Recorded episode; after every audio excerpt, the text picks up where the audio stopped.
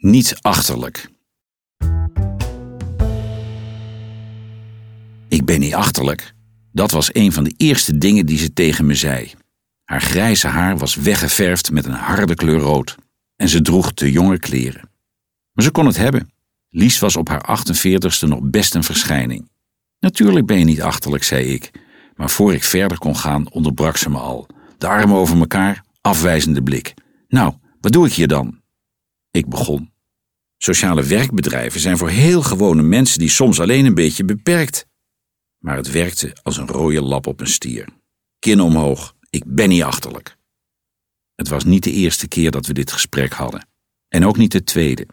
Ik zag Lies voor het eerst vlak nadat ze had gehoord dat ze af zou moeten vloeien.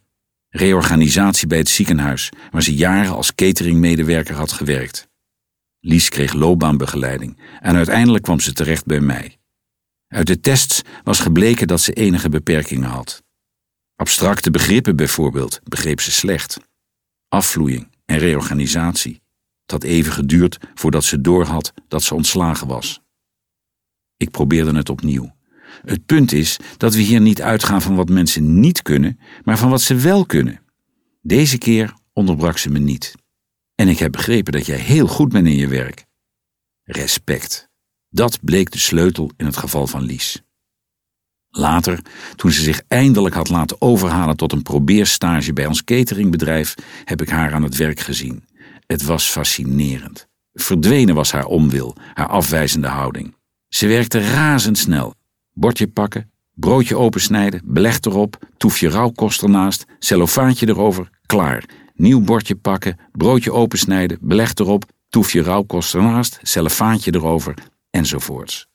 Ondertussen zat ze druk met een collega te kletsen over de nieuwste jurk van Maxima.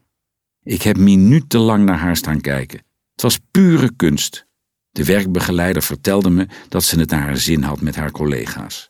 En dat de omschakeling van het ene soort broodje naar het andere wel altijd even duurde, maar eenmaal de slag te pakken, haalde ze de verloren tijd zo weer in.